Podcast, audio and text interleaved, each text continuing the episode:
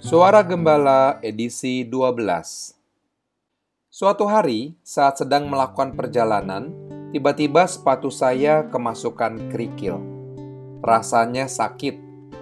Walaupun berukuran kecil, nyatanya keberadaan kerikil di dalam sepatu sangatlah mengganggu. Kalau saya paksakan terus berjalan, kaki saya lama-lama bisa luka. Maka saya putuskan segera mencari tempat duduk melepas sepatu, dan mengeluarkan kerikil itu. Barulah setelahnya saya melanjutkan perjalanan dengan perasaan nyaman dan tenang.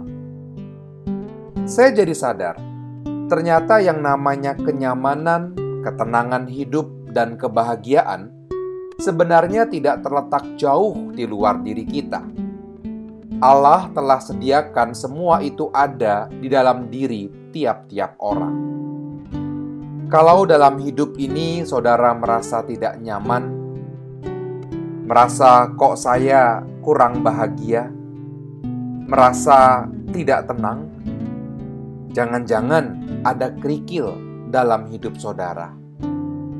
Kerikil itu punya banyak arti yang berbeda bagi tiap orang.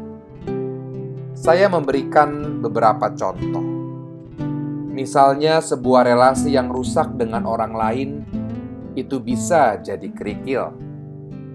Sebuah dosa yang belum saudara akui itu juga bisa menjadi kerikil dalam hidup saudara. Atau sebuah kesalahan di masa lalu yang belum terselesaikan. Atau sebuah karakter buruk yang terus dipelihara. Apa pun itu, saudara, temukan kerikilnya. Segera bereskan setelah itu, lanjutkan lagi perjalanan kehidupan saudara dengan bahagia, tenang, dan nyaman.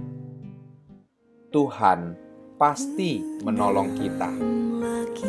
Amin. Tuhan